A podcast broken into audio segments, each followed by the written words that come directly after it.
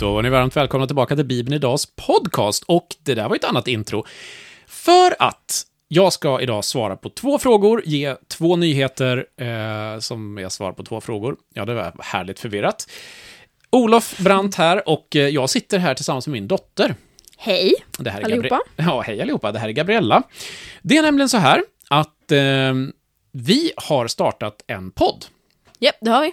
Jesus tjänare lever livet heter podden och det är en podd som eh, far och dotter spelar in. Eh, varför ville du starta den här?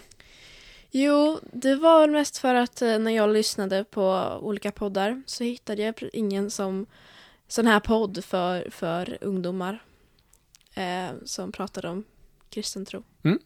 Så tro, bibel och livet Ja. eh, ska vi prata om. Du, Allt eh, möjligt. Ja, precis. Du ställer frågor, eller dina vänner, eller vi får frågor ifrån frågelådor och sådär. Vi kommer att köra ett avsnitt i veckan ungefär.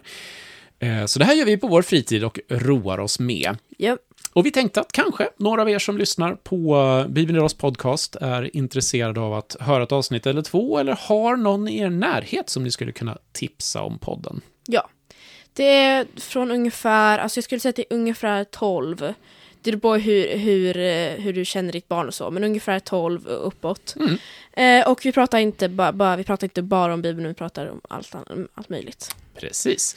Och nyhet eller eh, sak nummer två, det är att eh, min föräldraledighet som eh, pappa är på väg mot sitt slut och i höst kommer vi dra igång Bibeln Idags podcast med normal utgivning med ungefär en podd i veckan under säsong.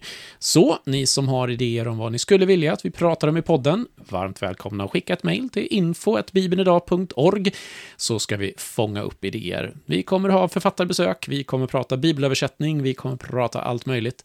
Eh, så, varmt välkomna tillbaka i höst till Bibeln Idags podd. Eller varför inte, lyssna in, Jesu tjänare lever livet.